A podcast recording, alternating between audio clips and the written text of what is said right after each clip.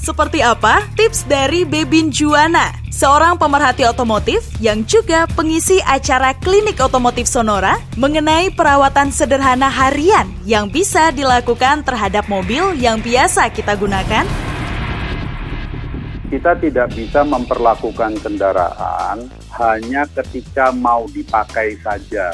Ya perlu perhatian juga gitu loh ya.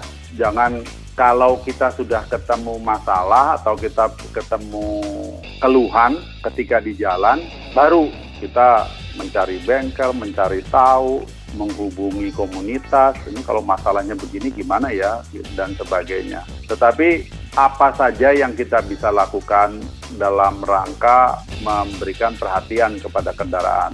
Misalnya ketika dua tiga hari sekali buka kap mesin, kemudian perhatikan level oli, perhatikan level minyak rem, radiator.